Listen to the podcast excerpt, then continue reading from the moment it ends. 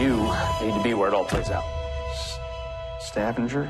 Stavanger. It's a small fishing village. It's religious, rainy, cold. No real summers, no real winters. No bars. Sounds great.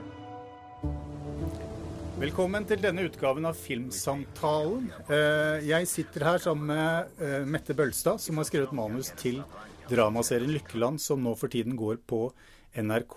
Eh, Velkommen, Mette. Takk. Jeg tenkte vi kunne starte ved begynnelsen. Du fikk et oppdrag, du, å skrive dette manuset fra produsent Synnøve Hørsdal i Maipo. Det var ikke du som initierte det selv. Men når du da skulle gå i gang med noe så omfattende som selveste oljealderen i Norge, de første uh, formative årene, da tenker jeg at du kanskje tenkte oi, nå må jeg virkelig drive research.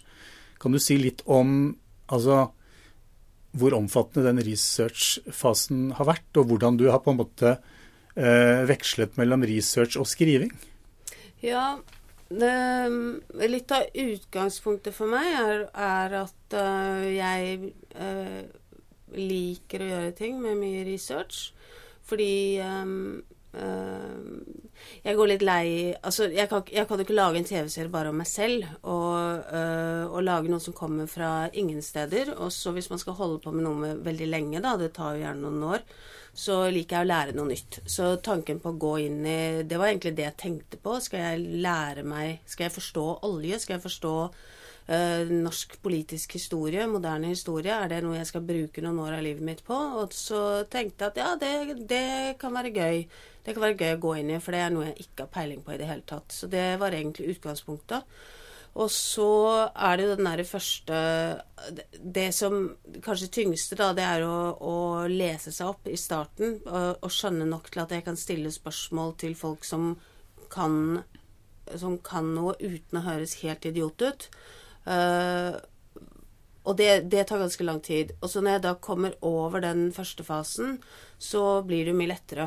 Og da møter jeg også folk underveis som da blir mine faste, som jeg, som jeg snakker med. Uh, men uh, ja, det er jo forferdelig mye å sette seg inn i. Både sånn uh, tidslinjer og datoer og politikk og, og, alt det der. Det er mye. Og ikke alt, selvfølgelig. Det er lite som kan googles, i motsetning til ting som er satt i dag. Mm.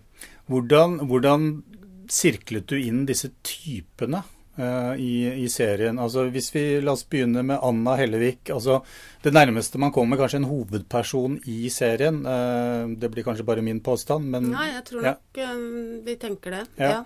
Altså, hvordan, hvordan endte du opp med henne? Altså, hvor, hvor på sett og vis Hvor fant du henne? Ja, det er, det er, interessant, for det var egentlig den største, det, det var den største jakten. Uh, og nå lå det en god del i bunn da jeg begynte med dette her. Det var, det var, noen dogmer. Det skulle være i Stavanger, det skulle ikke være i Oslo. Det skulle ikke være på Stortinget, det skulle ikke være i regjeringen. Det skulle ikke være menn i møter i, i politiske korridorer. Og det skulle være fire unge hovedpersoner. Mm. Og, og, to av de var eh, Eller det var for så vidt forslag på alle, men to av de har overlevd som, som det de var. Og så kom det to nye, og den ene var da Anna. Um, og da, ville vi, da snakket vi mye om at vi ville at det skulle være et tradisjonelt kvinneyrke. Og det virker jo egentlig helt opplagt når man ser på det nå, hun er sekretær. Men uh, da var vi innom veldig mange andre ting. Uh, sosionom og en del sånt noe. Men uh, det som var det som var vanskelig, det var å klare å få disse karakterene nærme nok der det skjedde viktige ting. Og få de inn i de rommene hvor avgjørelsen ble tatt. Jeg skjønte etter hvert at jeg var nødt til å ha inn noe politikk. Så hun og Rettedal de kom nok falt plass omtrent samtidig. At hun kunne være sekretær. Og det er et yrke som jeg er oppvokst med. Moren min var sekretær for uh, Olaf Nordlys bokhandel. Mm. Uh, og hun pleide å uh, gjøre disse lange diktatene med direktørene når de satt og leste inn, og hun renskrev deres tanker. Så det har blitt et sånt grep som jeg har brukt. Og det er også hun som har lært opp Anne Regine i stenografi og, og touch på gammel skrivemaskin, så det er veldig hyggelig. Så det er noe som sånn teknisk sett som jeg egentlig kjenner ganske godt til. Jeg fikk en, jeg fikk en skrivemaskin da jeg var åtte år, som jeg skrev på hjemme, så det er noe sånn uh, som jeg følte meg hjemme i. Mm. Arne Rettedal er jo en legendarisk skikkelse. Eh, for, det er ikke så mange som kjenner til ham, men folk i Stavanger kjenner definitivt til ham. Eh, altså, hans kontor var jo helt sentralt eh, for mye av det som skjedde. Eh, kan du si litt mer om ham?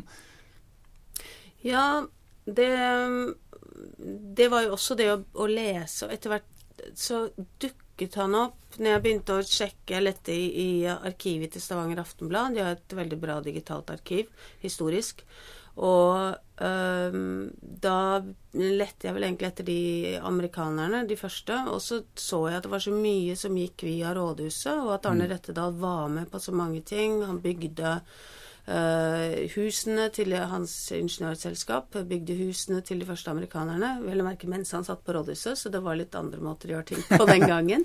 Uh, så han var så sentral, det at det ble Stavanger, at det gikk så fort, at det ble gjennomført. Han hadde en helt egen stil som jo mer jeg leste om, jo mer fascinerende ble han. Og til slutt så var det egentlig ikke mulig å gjøre den historien uten å ha han med. Og også det som alle I Stavanger så blir han sett på som ganske apolitisk. At uh, folk i Arbeiderpartiet sier ofte at nei, men han var jo egentlig sosialdemokrat. Og uh, så, så, han er en sånn politiker som alle trykker til sitt bryst, egentlig. Høyre er stolte av ham, selv om det også var masse historier om hvorfor Kåre Willoch ble skalla. Det var fordi han reiv seg i håret hver gang Arne Rettedal sa 'Høyre har sagt'. Så ja. det var noen sånne ting. ja. Eh, når man skriver et manus fra en, en bestemt uh, tidsperiode som har en veldig spesifikk stil, så tenker man jo litt på å bringe inn elementer fra den perioden, den aktuelle perioden. Altså, Hvordan har du tenkt når du har skrevet manus i forhold til, til uh, altså Det er jo amerikanske beltespenner og cowboyhatter her. Det er, det er bestemte typer ikke sant, miniskjørt osv. Uh, hvor, hvor langt har du gått i beskrivelsen av de detaljene? Um, og, og, når kan det virke litt sånn Kanskje som en avsporing innimellom? At man plutselig roter seg vekk med litt for mange cowboyhatter, f.eks.? Ja. det var nok skrevet inn ganske mange. Um, akkurat, akkurat, det. Da er jeg glad for at vi har hatt uh, veldig bra kostyme, da. Så, men uh, det var en viktig del av det. det som, jeg, jeg tenkte på at dette blir jo en helt omvendt innvandrerhistorie. Disse amerikanerne som kommer, som, uh, som egentlig bringer med seg veldig mye veldig, veldig bra for Norge. Uh, så de er jo populære innvandrere, og de har jo en egen stil, og de har hatt stor innflytelse på både, både Rogaland, Stavanger og Norge, så det mm. var fint å få inn den, uh, få inn den stilen, og også litt sånn på mat, altså på forskjellige skikker, de første restaurantene som dukket opp, som, som kommer sånn etter hvert, da. Uh, at det, det var noe som jeg forsøkte å få med mest mulig, en fargelegging av det, sånn at det blir Prøvde å lage tidlig en sånn Jeg har noen sånne hovedmetaforer som er Skattejakten, Klondyke Town mm. En del sånn som man prøver å løfte opp, så det Om ikke forhøyet, så i hvert fall at det ikke blir Eh, sånn bare historisk gjengitt, da, men mm. at man fokuserer på noen ting. Mm. Når, når, når, enkeltpersoner skal på en måte oppsummere en, en, periode, og ikke minst skal på en måte representere spesifikke sider ved, ved en kultur osv., så, så, så, så, grenser man jo opp mot stereotyper. Og, og, og i serien så, så syns jeg dere balanserer det ganske bra. Altså Dere bruker en god del humor også i framstillingen av av veldig mange av karakterene. Eh, ikke minst Rettedal, som jo da går med denne pipa i hver eneste scene. Eh, I begynnelsen så, så, så, stusset jeg litt over det, men etter hvert så på en måte Altså, jeg har møtt folk i min oppvekst som gikk med pipe hele tiden, så, så det er ikke helt far-fetched. Men, men, kan du si litt om liksom balansegangen, da? Eh, ja. Jeg tror det med pipa tror jeg nok var uh, reelt at mm. han gjorde. Uh, Vegard Hoel har studert han nøye. Mm. Så det er jo også en skuespillerjobb. Det er en sånn uh, som har vært gjort der. Um, så det er, det er én ting. Og så er det um, Jeg tenker ofte sant, Man sparker i gang noen karakterer som nesten sjablonger. Og så, eh, som er litt det som publikum forventer seg.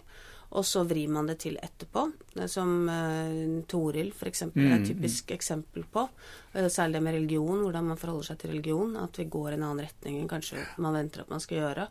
Uh, og så starter vi serien i Amerika, og det er jo for at publikum skal med en gang slutte å tenke at de kan alt om den norske oljehistorien. At vi starter et annet, starter et annet mm. sted. Så det er jo sånn man kan velge hvor man begynner. Men jeg tenker jo at de fleste karakterer er jo en sjablong som blir mennesker gjennom handling. At man må begynne et sted med ikke altfor mange nyanser når man setter i gang. Og når det gjelder det med humor, så, så egentlig så um, syns jeg at jeg er ganske morsom. Men, men, det er ikke alltid så lett å oppfatte det. Så det Så um, ja, masse gøy jeg har funnet på som har blitt tatt bort. Kanskje fordi det ikke er så veldig gøy, eller kanskje fordi man ikke oppfatter det. Mens i Lykkeland så, så uh, Petter er jo en av de som ler. Sånn, enten han synes at ja, Altså, jeg, Hvis jeg kan finne på noe, så syns han at det er gøy. Du snakker om, om Petter Ness. Petter Ness, ja. regissør, eller konseptuerende regissør. Ja, ja. Uh, så derfor så ble det en tone som uh, oss imellom som uh, fungerte ganske bra, mm. og som han også har tatt Han er jo sånn som er flink på sett til å dra det enda lenger, til å improvisere og gjøre morsomme ting. Så, så det har fått en ganske fin, lett tone. Mm. Det har vært gøy å se. Mm. Og så merket jeg at vi viste i Stavanger, da fikk vi latter på alle påfunnene. Det får man ikke hele tiden. Men der var det sånn, de skjønte alt, så det var veldig tilfredsstillende. Ja, fordi altså, det er jo det med lokalhistorikken der nede og ting som kanskje er litt interne, som bare man forstår der nede. Altså, når du drev research, eh, hva Altså, dette er jo en veldig tilgjengelig historie, men men var det, var det, ting dere tok med som kanskje dere fryktet skulle være for interne? Uh, nei. Nei. Uh, jeg tror hvis man ønsker folk sånn velkommen inn i varmen, mm. så det å bli presentert for noe som man ikke kjenner, som er spesifikt og lokalt, det tror jeg alltid fungerer helt fint. Mens det å, å gjøre noe som man ikke har forutsetning for å forstå, det det blir jo internt på litt feil måte. Mm. Så man må jo føre publikum gjennom. Men det er helt klart at det er noen ting som, som, man legger til litt sånn Her er det en for dykkerne, her er det en for oljearbeiderne, her er det en for de og de. At det er uh, For eksempel så er det en sånn derre uh, De prøvesmaker sardiner. Uh, mm. Sånn årgangssardiner. Uh, og det er jo noe som redere i Stavanger har gjort, og som er en sånn morsom ting når de finner noen råtne. Det forventer ikke at alle skal skjønne det, men man går jo heller ikke glipp av når man ikke forstår det, da. Nei. Som så ofte når man eh, skildrer eh, altså epoker fra historien, så, så, er man vel kanskje også litt sånn sensitiv i forhold til at man ikke glemmer noen. Altså du nevnte dykkerne, som jo var veldig sentrale. og og mange av de opplevde jo senere at de, altså en del av de yrkesskadene de fikk, ble neglisjert osv. Eh, men, men eh, har dere testvist for det lokale publikummet for å få noen reaksjoner på akkurat de tingene? Altså, eh, eller har dere hatt noen lesere som, som har vært spesielt lydhøre overfor hva, hva, hva skal vi si, særegenhetene ved, ved regionen? da? Kanskje ikke så mye Jo, selvfølgelig. Vi har jo hatt lesere fra Oljemuseet i Stavanger mm. som mm. har gått gjennom, gått gjennom alt. Og så har jeg jobbet tett med en dykker hele veien. Um, og som er i veldig god form. Mm. Så det er kanskje en av de tingene jeg har tenkt på at uh, en hel yrkesgruppe som uh, blir kjent for at de har blitt syke, som uh, de aller fleste er marinejegere fra Håkonsvern, at det, det var noe som jeg da syntes var viktig å vise en annen side mm. av dem. Eh, den, eh, og det er veldig mange av de som er friske og raske og i god form. Jeg skal ikke påstå at det gjelder alle, men mm. det er også noen av dem. Så, så, der eh, Det er noe som jeg har forholdt meg veldig, veldig til. Å fortelle den historien innenfra egentlig med alt, og ikke være forutinntatt. Og prøve å fortelle de presens hele tiden, og ikke ta med den hva som skjedde Ikke spille opp mot hva som skjedde etterpå. Og det kan høres lett ut, men dramaturgisk ganske vanskelig, fordi at vi har så Det er den derre zeitgeisten som er den store fella når man eh, lager historisk drama. Det er så veldig lett å, å si noe om fremtiden så man fremstår som en smart manusforfatter. At man lar en av karakterene drømme frem til noe som faktisk har skjedd, og så blir man smart. Men um, det tar jo publikum Man blir rysk, ry- sånn røsket ut av øyeblikket. Så det er også noe som jeg prøver å stryke hver gang jeg kommer opp med en sånn blemme. At jeg tar de bort, da. Du, Sist gang vi intervjuet deg i forbindelse med NRK-serien Nobel, som du skrev manus til, Ja. eh, sammen med Steven Ulander, ja. eh, så sa du at du liker store historier. Men så sa du også at du er ganske, du er ganske gjerrig. Eh, kan du si litt om det? Altså, eh, med gjerrig så mente du at eh, du, du slår ikke på stortromma med spektakulære scener nødvendigvis. Eh, men det er klart at Lykkeland har jo vært en svær svært lerret å bleke allikevel. Ja. Og det er jo noen spektakulære scener der. Jo, men jeg liker spektakulære scener. Ja. Det er bare at de, de må være spektakulære når de også er emosjonelle. Mm. Det er ikke noe vits i å kline til hvis ikke, hvis ikke det betyr noen ting. Mm. Så det er jo et sånn øh, øh, Egentlig alltid jobbet på den måten. Det tror jeg er noe som jeg lærte av Per Olav i sin tid, når vi satt og, og øh, Sørensen på Halvbroren. Når vi gikk gjennom budsjett og måtte kutte og sånt noe. Det der å, å kline til på i de viktige scenene, og så å ta det andre veldig ned, da. Ikke drive og sløse med statisteri og, og vanskelige kamerainnstillinger og, og sånt noe, og mye scenografi når eh, det ikke var så viktig, det som skjedde der.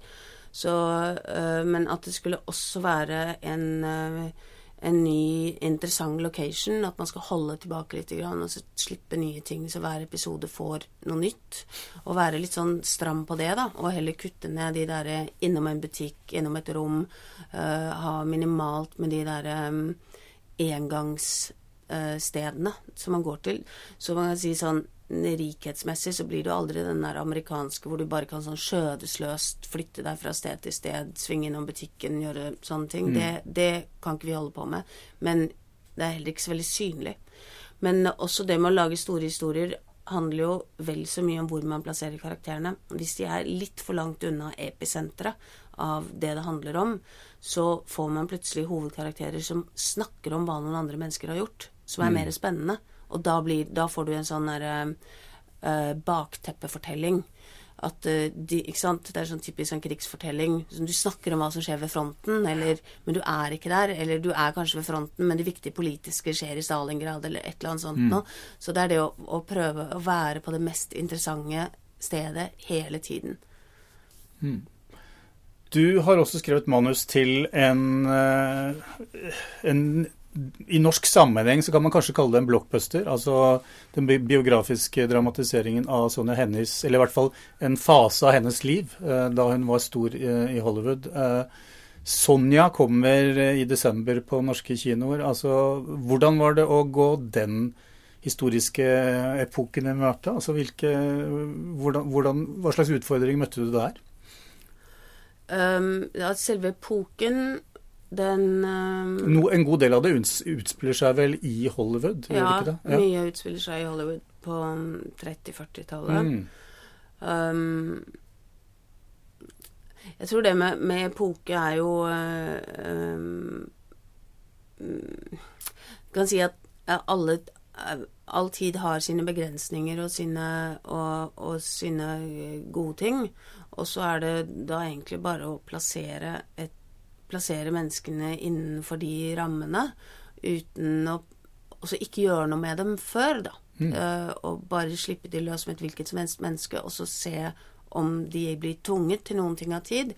Men bortsett fra det, la de være, la de være mennesker, og la de reagere på menneskelig vis.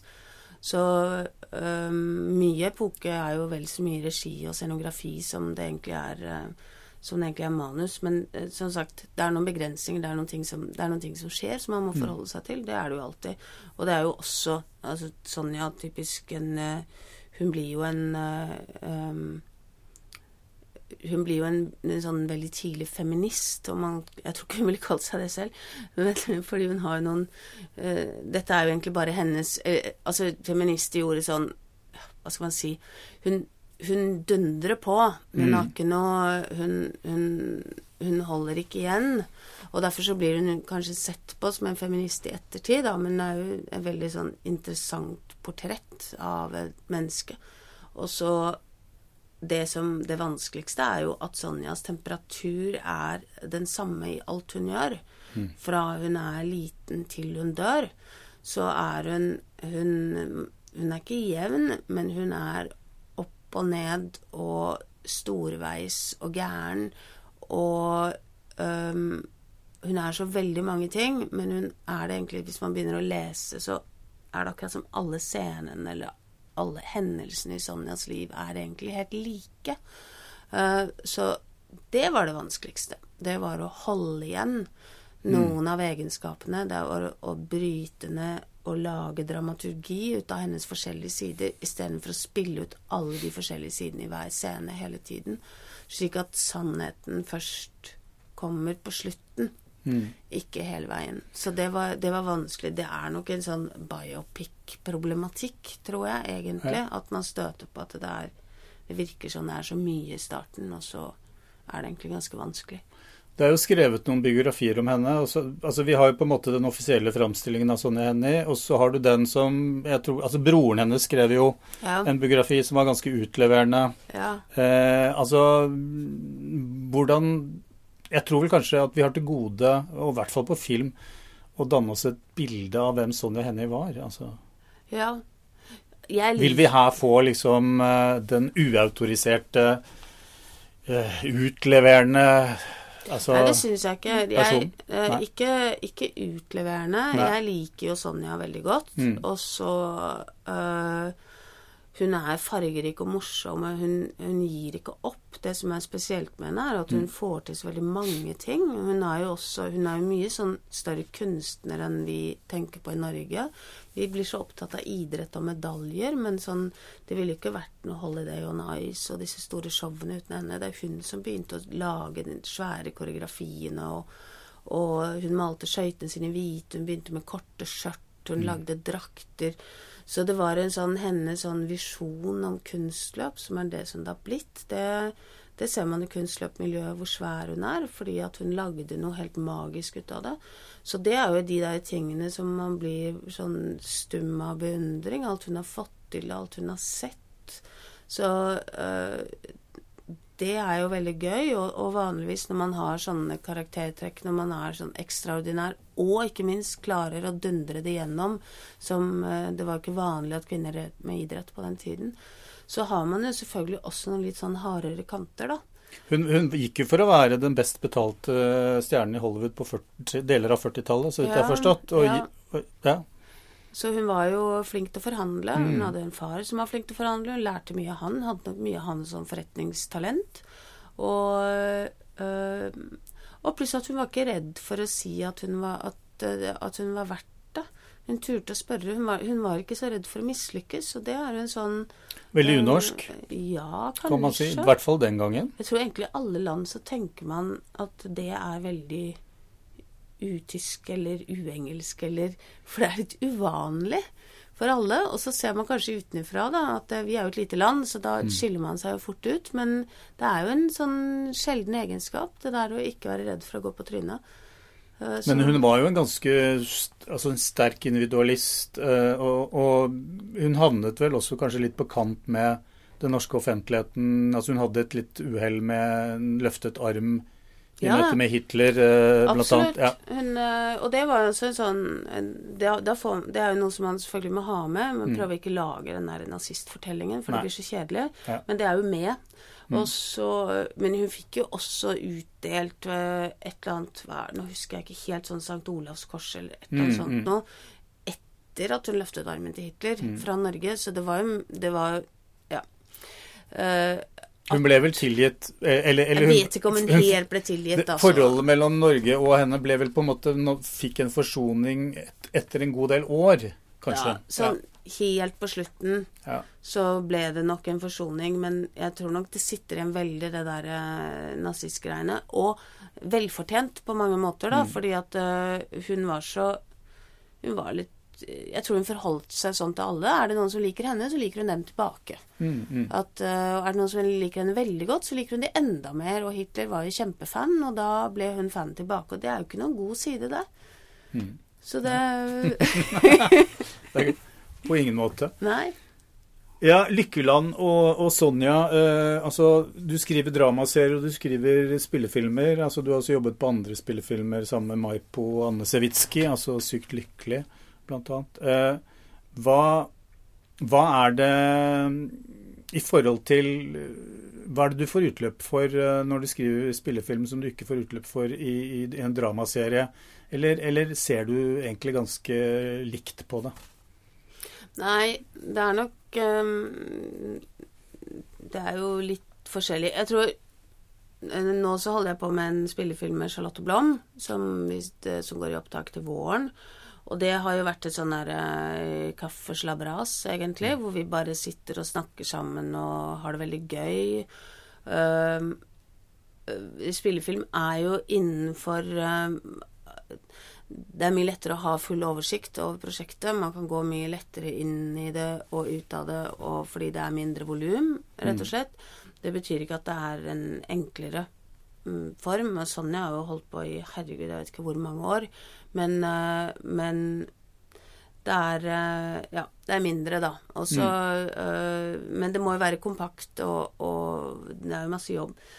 Og så liker jeg jo TV-seere, da går man jo inn i noe Også fordi jeg skriver så veldig mye, da. At, uh, uh, så da er det jo sånn lang Det er jo en kondis. Uh, kan ta flere år at jeg må være inne i noe. Uh, så da Det krever jo større sånn uh, utholdenhet å gå inn i. Og så og også tanken på hvor mye fortelling man skal komme opp med, da, det volumet som er så svært. Uh, Så, men litt av grunnen til at jeg Det er litt tilfeldig, egentlig. At hvis det er noe jeg syns høres gøy eller interessant ut, så har jeg lyst til å gjøre det. Hvis jeg finner på noe som jeg har lyst til å jobbe med, så, så gjør jeg det. Uh, Så jeg er mye mer styrt av innhold enn form, egentlig. Men jeg er også ganske bevisst på For nå har jeg gjort, jeg har gjort en del 8 ganger 45, så nå er jeg litt mer sånn aktiv bevisst på å gjøre ting i helt annen um, i helt annet format imellom. Så jeg ikke går fra én 8 ganger 45 rett på neste 8 ganger 45. eh, fordi at eh, jeg er redd for at jeg skal bli somatisk i form. Så det er fint å, å riste litt i det og gjøre noe helt annet, sånn at ikke dramaturgien låser seg. At det ikke blir for lett, da, for hvis det blir for lett, så blir det så forutsigbart. Da blir det sånn Da kunne alle gjort det, liksom. Så jeg må, jeg må kjempe litt mot uh, Kjempe litt mot strukturen. Prøve nye, nye strukturer hele tiden. Jeg vil takke for at du ble med i, i Filmsamtalen denne gangen, Mette. Takk for at jeg fikk komme. Eh, så ses vi om ikke lenge. Ja. In short, we've decided to drill the last well. Sildesentralen tar ikke lenger imot fisk, og, og ingenting blir solgt. Kanskje tenk på det å gå inn i oljeindustrien. To uh.